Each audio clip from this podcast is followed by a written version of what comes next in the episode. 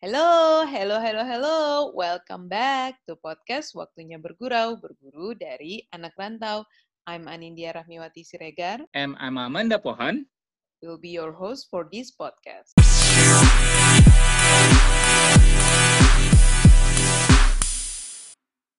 Hai teman bergurau. Selamat datang kembali di podcast Waktunya Bergurau di episode terbaru di season 2 ya Nat ya.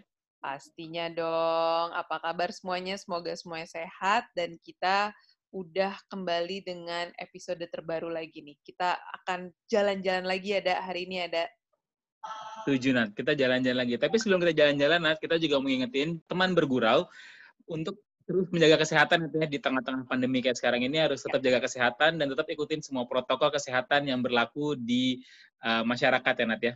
Pastinya itu penting banget. Jadi kita harus terus mengikuti protokol kesehatan supaya semuanya segera berlalu ya. Oke, kalau yes, gitu itu yang paling penting di kondisi kayak sekarang ini. Oke, seperti yang lo udah bilang, Nat, kita akan jalan-jalan lagi nih, Nat, di episode kali ini, Nat. Setelah sebelumnya kita melalang buana ke benua Eropa, ya. uh, Middle East, dan ya. sekarang ini kita akan kembali ke benua Asia nih, Nat. Alhamdulillah. Jadi ke Asia Tenggara, Asia Tenggara ya, ke mana ya? Yes, kita, kita dekat-dekat sinilah. Oke, kayaknya Singapura udah. Kalau gitu kita sekarang ke Filipina. Jadi kita sudah kedatangan teman kita yang akan ngobrol-ngobrol soal kerjaannya di sana. Langsung saja kita kenalan sama bintang tamu kita hari ini Nat ya. Kita sapa aja ini dia. Alfat, hai Fat. Halo, Halo Fat. Halo Nat. Apa kabar? Sehat? Baik, baik, sehat selalu sejak di Jakarta. Oke, malam ini ternyata Alfat masih di Jakarta WFH uh, eh, dari Filipina jadi kita akan cerita-cerita dari Jakarta saja, tapi uh, pastinya tentang Filipina ya, Pak ya. Siap. Baik, ini langsung kita mulai aja. Ini dia podcast Waktunya Bergurau, berguru dari anak rantau.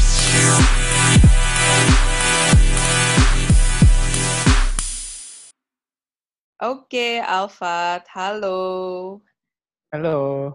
Mari kita ngobrol-ngobrol aja nih malam ini. Sebenarnya ayo, Alfat ayo. tuh di Filipina sibukannya ngapain, terus uh, mungkin sekarang memang lagi WFH ya, tapi uh, mungkin bisa diceritain di Filipina tuh aktivitasnya seperti apa dan di sana udah berapa lama? Iya, jadi uh, gue di Filipina uh, kerja di perusahaan, sebenarnya dia konsultan IT. Nah, sekarang mm -hmm. ini uh, gue backgroundnya legal, hukum. Mm -hmm. Nah, sekarang ini untuk uh, ngasih kayak service uh, legal, kontrak uh, drafting, kontrak manajemen, nah semuanya itu sekarang kebanyakan perusahaan-perusahaan besar sudah pakai automation. Nah, jadi hmm. gue di sana kayak uh, nyiapin uh, kesiapan perusahaan itu untuk menyiapkan uh, kontraknya, terus template template kontraknya, terus uh, menyesuaikan untuk kliennya nanti di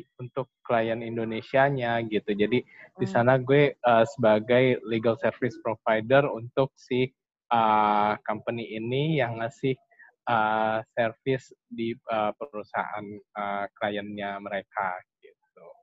Oke. Okay. Berarti udah berapa lama tuh di sana? Uh, harusnya sih uh, bulan depan udah masuk tahun kedua gitu. Tapi sejak uh, karena ada WFH ini, ada pandemik, uh, gue ke Jakarta dari bulan Juni kemarin. Gitu. Okay. Jadi harusnya sih udah uh, dua tahun di sana. Wow, tapi dari awal tuh emang si perusahaannya tuh emang uh, headquarternya di Filipina, terus kamu apply dari Jakarta atau dia sebenarnya ada di Jakarta terus kamu dapat assignment di Filipina? Nah ini sebenarnya uh, dia headquarternya di uh, Prancis. Dia hmm, ini uh, kebetulan kemarin waktu itu di hire lewat LinkedIn, dapat hmm. tawaran di sana uh, okay. offering. Hmm. Nah di uh, karena uh, dia lagi menjangkau pasar di ASEAN dan hmm. kemudian karena belum ada uh, kantornya di Indonesia, jadi uh, penempatannya di Filipina. Gitu. Hmm, oke. Okay. Berarti uh, awalnya tuh kamu dari LinkedIn terus uh, interview ke Prancisnya langsung gitu ya. Dan ya, ternyata di, in, mm, dan ternyata dia um, pun- assignment. Mm, mm, mm. ya waktu prosesnya pun uh, melibatkan uh, banyak tim uh, globalnya gitu karena Mm, jadi sempat aku sempat bingung juga nih "Hmm, beneran nggak nih? Karena mm. uh, sama interview iya takut ditipu atau apa kan. Iya, bener-bener bener. karena pertama interviewnya dari uh, uh, timnya di India. Nah terus selanjutnya lagi tim di uh, Austria. Nah habis itu baru rame-rame lagi sama yang uh, tim globalnya di Prancis terus kemudian India sama di uh, Austria itu. Jadinya uh, mereka uh, kita masuk tim global buat uh, proyeknya ini jadi makanya melibatkan banyak uh, pihak di situ. Oke. Tapi pas, pas pertama kali lo dapat penempatan di Manila, Fat, bolak-balik atau lo kayak masih bingung eh, berangkat apa enggak ke sana atau enggak gitu? Waktu Iya, pertama kali lo dibilang bawa ke bawa lo ke. Manila, Fat. Iya sebenarnya gue ini juga sih bingung juga ah Manila kayak gimana nih negaranya? Enaknya nih buat kerja di sana dan lain-lain. Pikiran gitu kan pasti ada ya di awal. Iya. tapi uh, ngelihat kayak uh, challenge-nya terus uh, peluangnya yang ditawarin kemudian buat pelajaran buat uh, kita juga uh, gimana sih kita tinggal sendiri di luar terus gimana kita beradaptasi dengan uh, lingkungan baru. Jadi uh, waktu itu sih yang gue uh, lihat lebih kayak uh, tantangannya aja nih peluangnya wah kayak boleh juga nih dicoba gitu Coba gitu ya. Berarti di Manila udah dua tahun, terus kerja di multinational company ya bisa dibilang karena kan dia Di- headquarter-nya juga di Ini di kan. Nah, budaya kerjanya gimana sih di sana? Nah, budaya kerja di eh, orang-orang sana eh, dan di di eh, eh, company-nya eh, dia yang penting sih kita achieve sama ininya ya sama eh, tanggung jawab kita udah terpenuhi kerjaannya semua. Dan juga di sana banyak banget kegiatan-kegiatan yang kayak eh, ice breaking ya gitu. Jadi tiap kayak ada perayaan apalah di eh, di Filipina kayak Halloween, terus kayak hari pahlawannya, selalu bikin acara di kantor gitu. Jadi itu kayak kelihatan banget Fat Iya. dari yang lo sering di sosial media kan gue selalu gue selalu komen ya bahwa kantornya sangat cheerful Nat. Jadi kayak Bener. tiba-tibalah dia nge IG ada eh, bikin eh, kontes a- apa adu bakat, terus kontes menari. iya, Udah kayak Iya, di jadi- kampus ya, bukan kayak di kantor ya, Bu? heeh. jadi mana juga ininya kayak ah lomba apa lagi nih Pak kantor loh.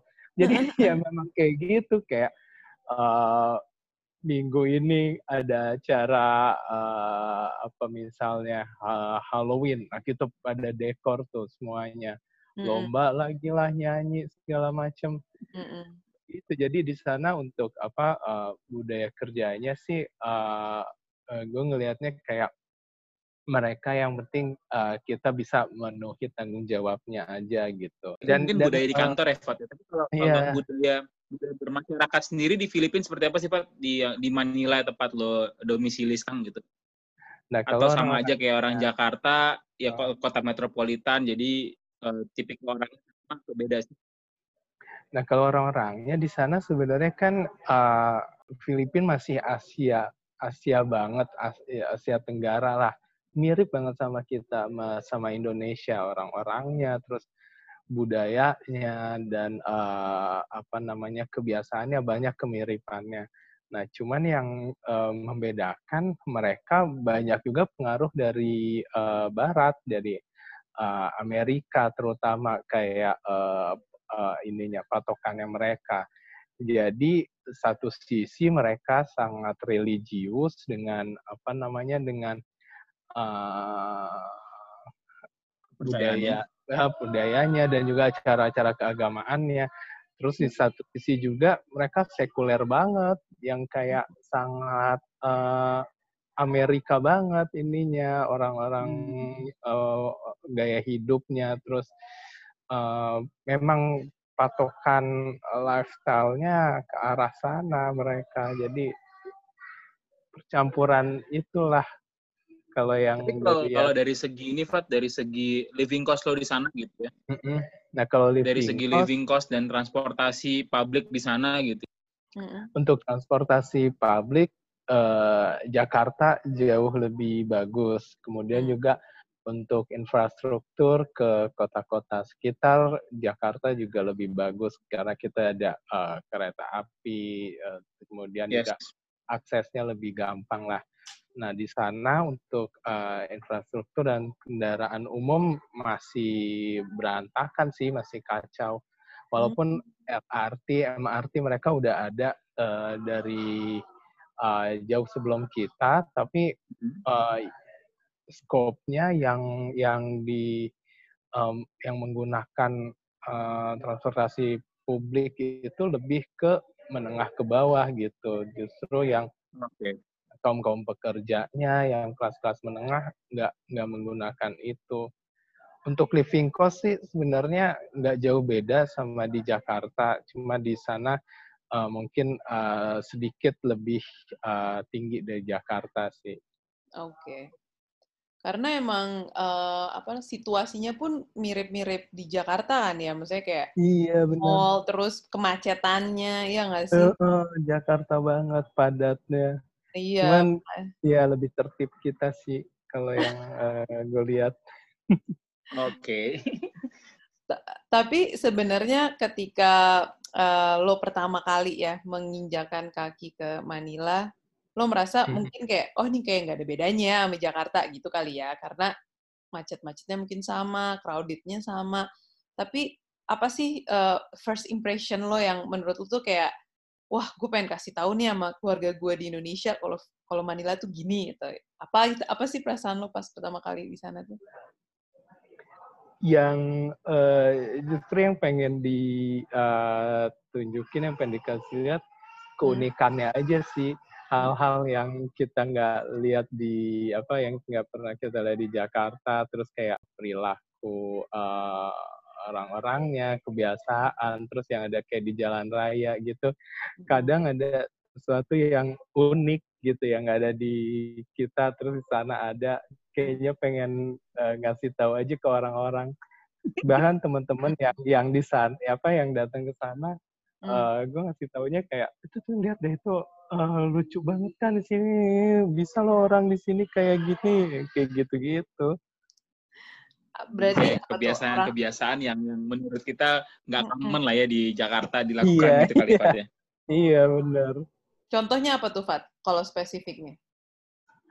apa ya uh, kalau untuk uh, kayak uh, transportasinya misalnya di sana ada kayak namanya tricycle jadi motor Mhm. terus di sebelah kanannya ada apa sih kayak dari eh, kayak dari uh, kayak helicak zaman dulu Oh kayak Wow. itu kayak ada beca gitu. motor tapi di sebelahnya ada uh, ada Jadi penumpangnya ada di sebelah Ada kirinya gitu kali ya. iya ada penumpangnya di Hmm. depan kita bisa duduk dua orang terus di belakang dua orang lagi terus di belakang eh, drivernya dua orang jadi di motor itu enam orang muat Hmm. Hah?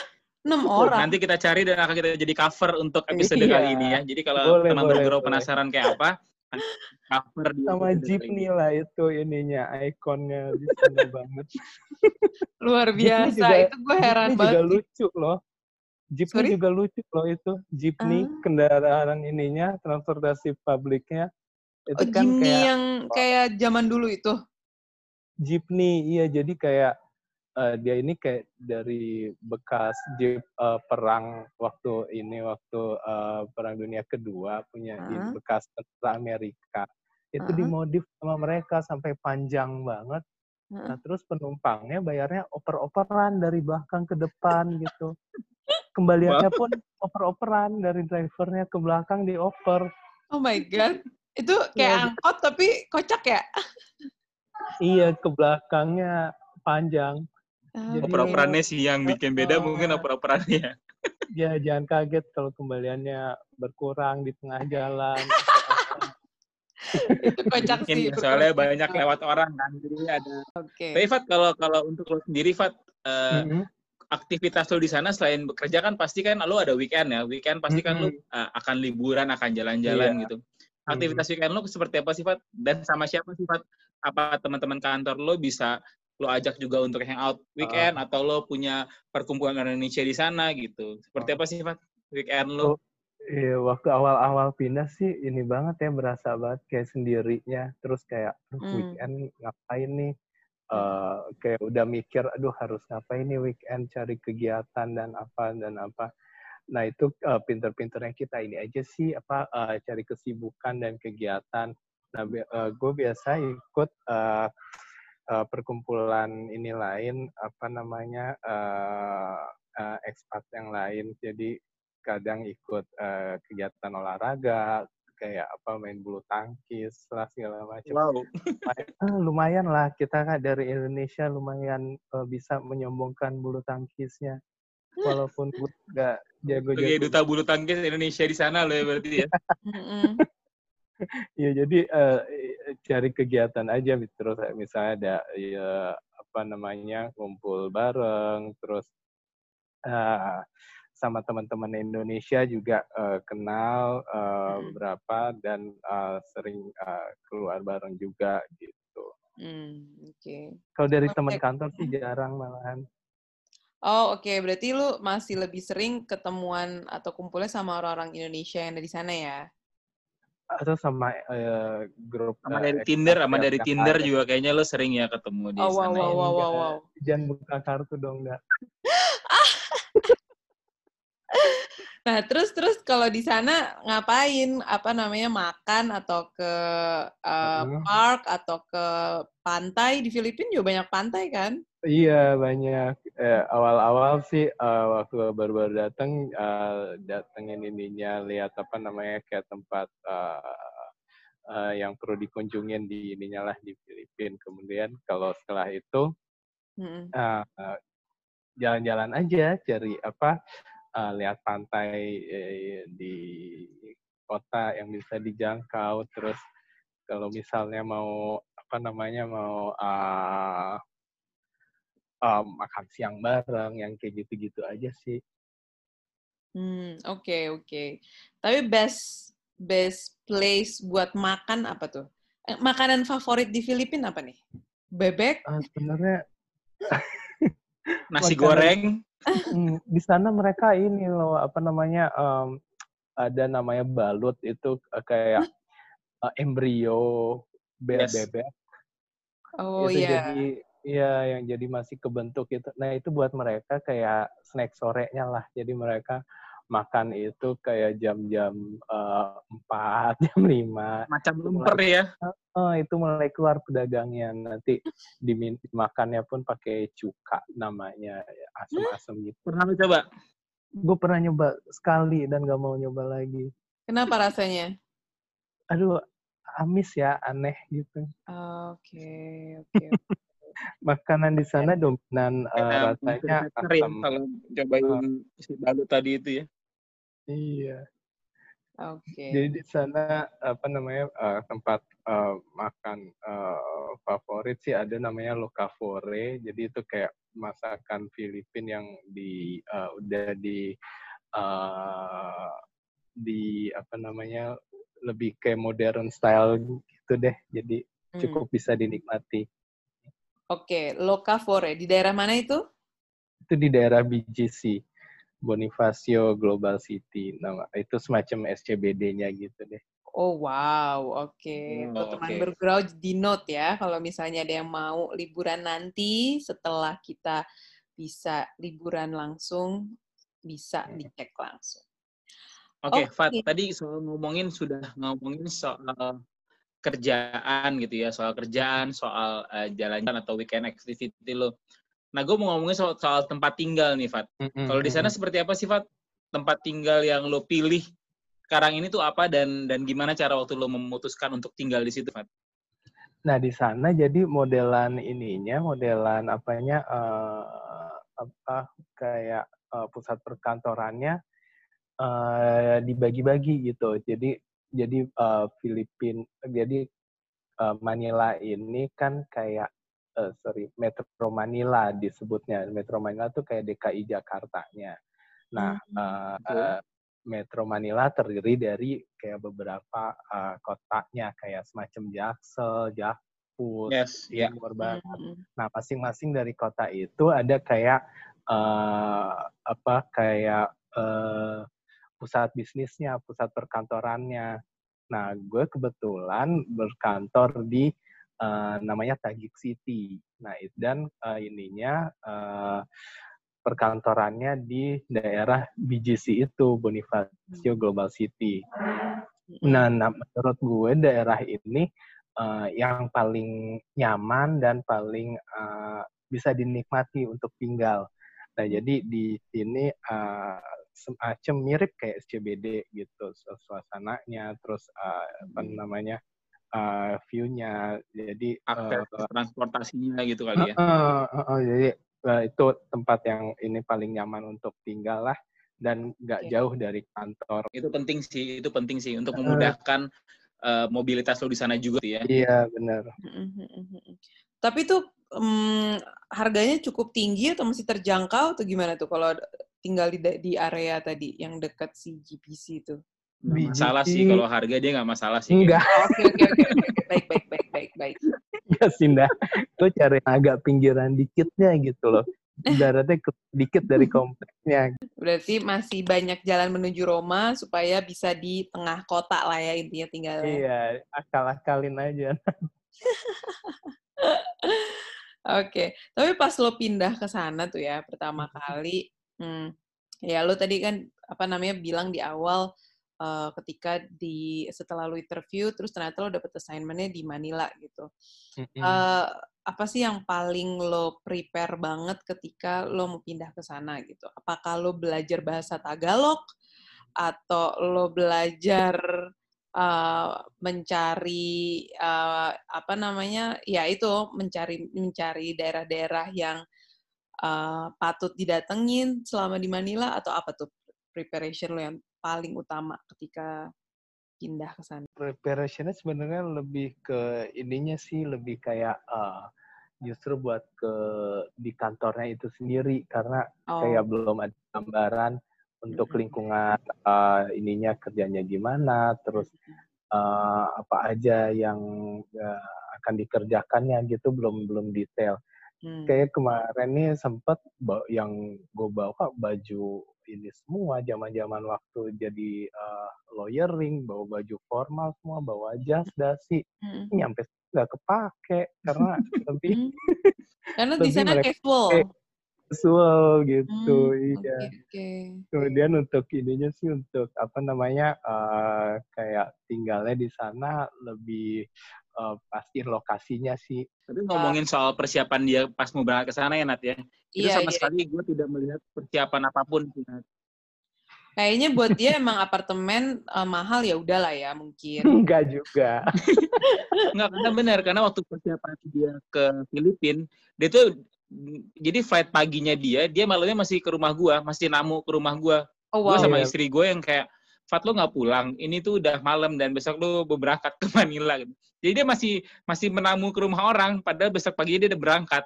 Luar biasa. Ya, Jadi kita kan dia... sowan dulu, nah takut kualat samper-samperin ibaratnya kalau ini uh, samperin sesepuh minta izin gitu. Oh. Agak. Berarti makanya dia cuma fokusnya sama kantornya ya, bukan tentang apa mentor di sana tinggal di mana, ribet-ribetnya tuh nggak kepikiran. Oke, Fat. Sekarang kita uh, ngomongin soal apa ini yang terjadi saat ini di uh, dalam situasi global gitu ya, Fat ya. Uh, Pasti kan iya, iya. Filipina juga salah satu negara yang terdampak juga adanya COVID-19 ini, Fat. Iya. Yeah. Makanya lu kan sudah melakukan WFH uh, dari tadi yang lu bilang dari bulan Juni sampai hari ini lu di Jakarta. Mm -hmm. uh, karena nggak lo mungkin nggak bisa balik dan lain-lainnya. Tapi situasi Filipina saat ini tahu seperti apa sih, Fat? Kalau teman-teman lo pada update gitu, Fat? Uh, situasi di sana kemarin sempat ini sempat uh, longgar kalau kayak kita mungkin kayak uh, new normalnya gitu. Nah, hmm. Terus angkanya naik lagi, diketatin lagi ininya uh, karantinnya. Dan Hmm. di sana ininya strict banget sih karantinnya, kayak bener-bener pergerakan kita dibatasin gitu. Untuk Mm-mm. keluar eh, rumah eh, itu ada jam malamnya. Mm-mm. Waktu itu waktu eh, gue di sana pertama jam 7 itu udah eh, toko-toko udah harus tutup. Kemudian setelah itu jam 5 di ininya untuk eh, jam malamnya dibatasin. Mm-mm. Dan untuk eh, transportasi umum itu benar-benar nggak ada. Yang disediain eh, cuma transportasi untuk eh, apa namanya eh, karyawan bidang-bidang tertentu aja kayak misalnya Hmm. yang kerja di bank, yang kerja di rumah sakit, eh, cuman itu aja. Selebihnya eh, apa kayak untuk keluar area kita, keluar eh, apa kayak misalnya dari Kebayoran ke ke daerah Menteng. Nah, itu kita harus punya ininya, punya apa namanya? eh, izin Aksesnya gitu kali ya. Izinnya, permitnya gitu ya. Iya. Oh wow, oke. Tapi kalian sempat lockdown banget ya, udah di awal-awal. Iya, gue sempet dua bulan lebih di eh, apa di apartemen, nggak Hmm. ke mana-mana, kerja di situ aja. Mm-mm. Sampai mikir, aduh kalau gue mati juga nggak ada yang tahu. Astagfirullah. Lu serem banget sih mikirnya. Iya. Oke, oke. Tapi berarti em, ya kondisi di sana sekarang kembali menjadi lebih strict lagi. Iya. Sekarang ada di Jakarta. Em, WFH udah hampir berapa bulan dari Juni ya? Berarti bisa bilang Juni, Juli, Agustus, September, 4 bulan lah ya. Iya. Gimana lo mm, so far dengan WFH? Apakah lo sibuk sama kerjaan terus? Atau lo menggunakan peluang, wah nih gue lagi di Jakarta, gue WFH, lo bisa bikin bisnis baru atau gimana tuh? Apa sebenarnya WFH kalau apa cara kerja yang eh, seperti ini benar-benar kontrol dari kita sendiri sih ya. Iya. Maksudnya kalau misalnya apa laptop nggak ditutup, kerjaan nggak akan berhenti, masih ada aja gitu. Iya kan kayak gitu ya. banget. Jadi banget. apa, Hmm. Eh, lebih kita lebih ini aja sih lebih pinter-pinter untuk eh, manage ininya apa yang eh, kerjaan eh, gimana, terus eh, sisi baiknya juga eh, kita bisa kabur-kabur sebentar gitu keluar apa ketemu sama teman-teman makan bareng-bareng gitu. Jadi eh, ada eh, plus minusnya juga sih di WFH Ya, ini tapi lu juga bisa memandang positif si keadaan ini kan dengan karena mungkin ya, dengan adanya ini lu bisa balik ke Jakarta dan sekarang bisa uh, stay lama dengan keluarga lo di Jakarta gitu kali Fat ya. iya benar Oke. Tapi belum kepikiran untuk membuat suatu bisnis baru atau satu usaha gitu sebelum mungkin nanti lo bawa balik ke Manila? Pengen sih nanti tapi gue kayak nggak apa nggak bakat dagang. Semua orang deh jual rendang jalan. kalau nggak lontong Padang. Di Filipina pasti laku deh. iya bener. Tapi di di Manila banyak restoran Padang kan? Eh enggak ya? Atau banyak ada, banyak. Lumayan. Oh, ada banyak apa eh, lumayan banyak beberapa. Ada eh, Garuda juga ada di sana Oh ya. persis di di seberangnya embassy Ah, oke. Garuda masakan Padang itu Mm, mm, mm, mm. Ya, ya, ya. Berarti lengkap Jadi juga ya. gampang lah ya untuk Indonesia ya. Iya untuk eh, makanan masih eh, banyak di ininya makanan Indonesia banyak eh, lumayan di sana lah Oke. Soal Filipina, soal Manila yang mungkin selama ini kita belum tahu ceritanya seseru itu sih Nat ya. Iya, gue cuma tahu Manila gara-gara kemarin ada uh, bannernya Hyun Bin gede banget di depan mallnya Manila. Iya nggak sih? Iya nggak sih, Fat? mungkin ah, mall apa tuh Mall of Asia kali ya mall Iya. yang Dan tuh rame da- iya dan gue lihat mall di Manila tuh gede-gede banget ya, lebih gede Ih, bener. Jakarta ternyata. iya Gila, gila. Nah itu gue Gede cuma tahu banget. dari situ doang sih. Selebihnya gue ternyata ya, di balik itu banyak cerita-cerita unik dan cerita seru sih tadi di Manila tadi Alfa cerita ya. ya betul banget. Oke, nih kita durasi, jadi harus ke pertanyaan terakhir sepertinya ya, Almanda Pohan. Mungkin Betul banget. Dari... Jadi karena kalau kita ngomongin panjang nih, nanti setelah tapping ini mungkin kita akan ngobrol panjang lagi, tapi kita akhiri dulu nih episode kali ini, Fat.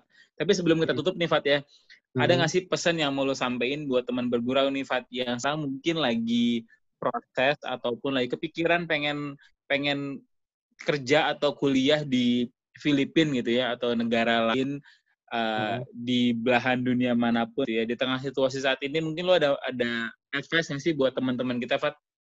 Ya mungkin buat apa teman-teman yang uh, berkeinginan untuk uh, kerja di Filipina atau di negara lain, hmm. ya kita harus ini aja sih harus apa namanya uh, nikmatin aja semua dibawa enjoy aja semua yang uh, yang hari-hari kita uh, laluin pasti kan di sana apalagi kalau sendiri ada up and down-nya. Nah, itu iya. gimana kita baik-baiknya aja menyesuaikan uh, diri sama uh, situasi dan itu aja dibawa dinikmatin aja prosesnya semuanya. Gitu. Yes. Betul banget ya. Mau Setuju. di mana pun berada, mau sendirian pun ya disyukuri uh -uh. aja kali ya, Fat ya. Betul betul. Oke, kalau begitu. Terima kasih ya, Alfat, buat waktunya. Sudah bisa ngobrol-ngobrol bareng kita untuk berbagi dengan teman-teman bergurau. Semoga tadi ceritanya Alfat, uh, serunya-serunya di sana, perjuangan-perjuangannya dia di sana bisa menginspirasi teman-teman bergurau ya, untuk yeah. uh, meyakinkan dan untuk menambah lagi uh, insight-insight soal uh, merantau di luar negeri ya, nanti. Pastinya dong. Tentu saja kembali saya mengingatkan lagi kalau teman-teman ada yang mau dengar episode sebelumnya, uh, baik itu dari negara Australia atau Amerika, itu bisa aja cek langsung ke Spotify atau ke YouTube channel kita at podcast Waktunya Bergurau. Oke, okay, kalau begitu. Okay. Sebelum kita tutup, Nat, kita ngingetin ya. lagi sekali lagi buat bergurau di tengah kondisi kayak sekarang ini, jangan lupa kita harus tetap eh, melakukan 3M ya, Nat ya menggunakan masker, mencuci tangan, dan menjaga jarak untuk memutus tali rantai penyebaran COVID-19 di sekitar kita ya, Nat ya? Penting banget itu. Jadi jangan lupa ya teman-teman tetap menerapkan protokol kesehatan ini di mana pun kalian berada. Oke, kalau gitu Anindya Siregar. Okay. Almanda Pohan, jangan lupa dengerin terus Out Podcast, waktunya bergurau, berguru dari anak rantau. Stay healthy and stay safe guys. Bye! Bye!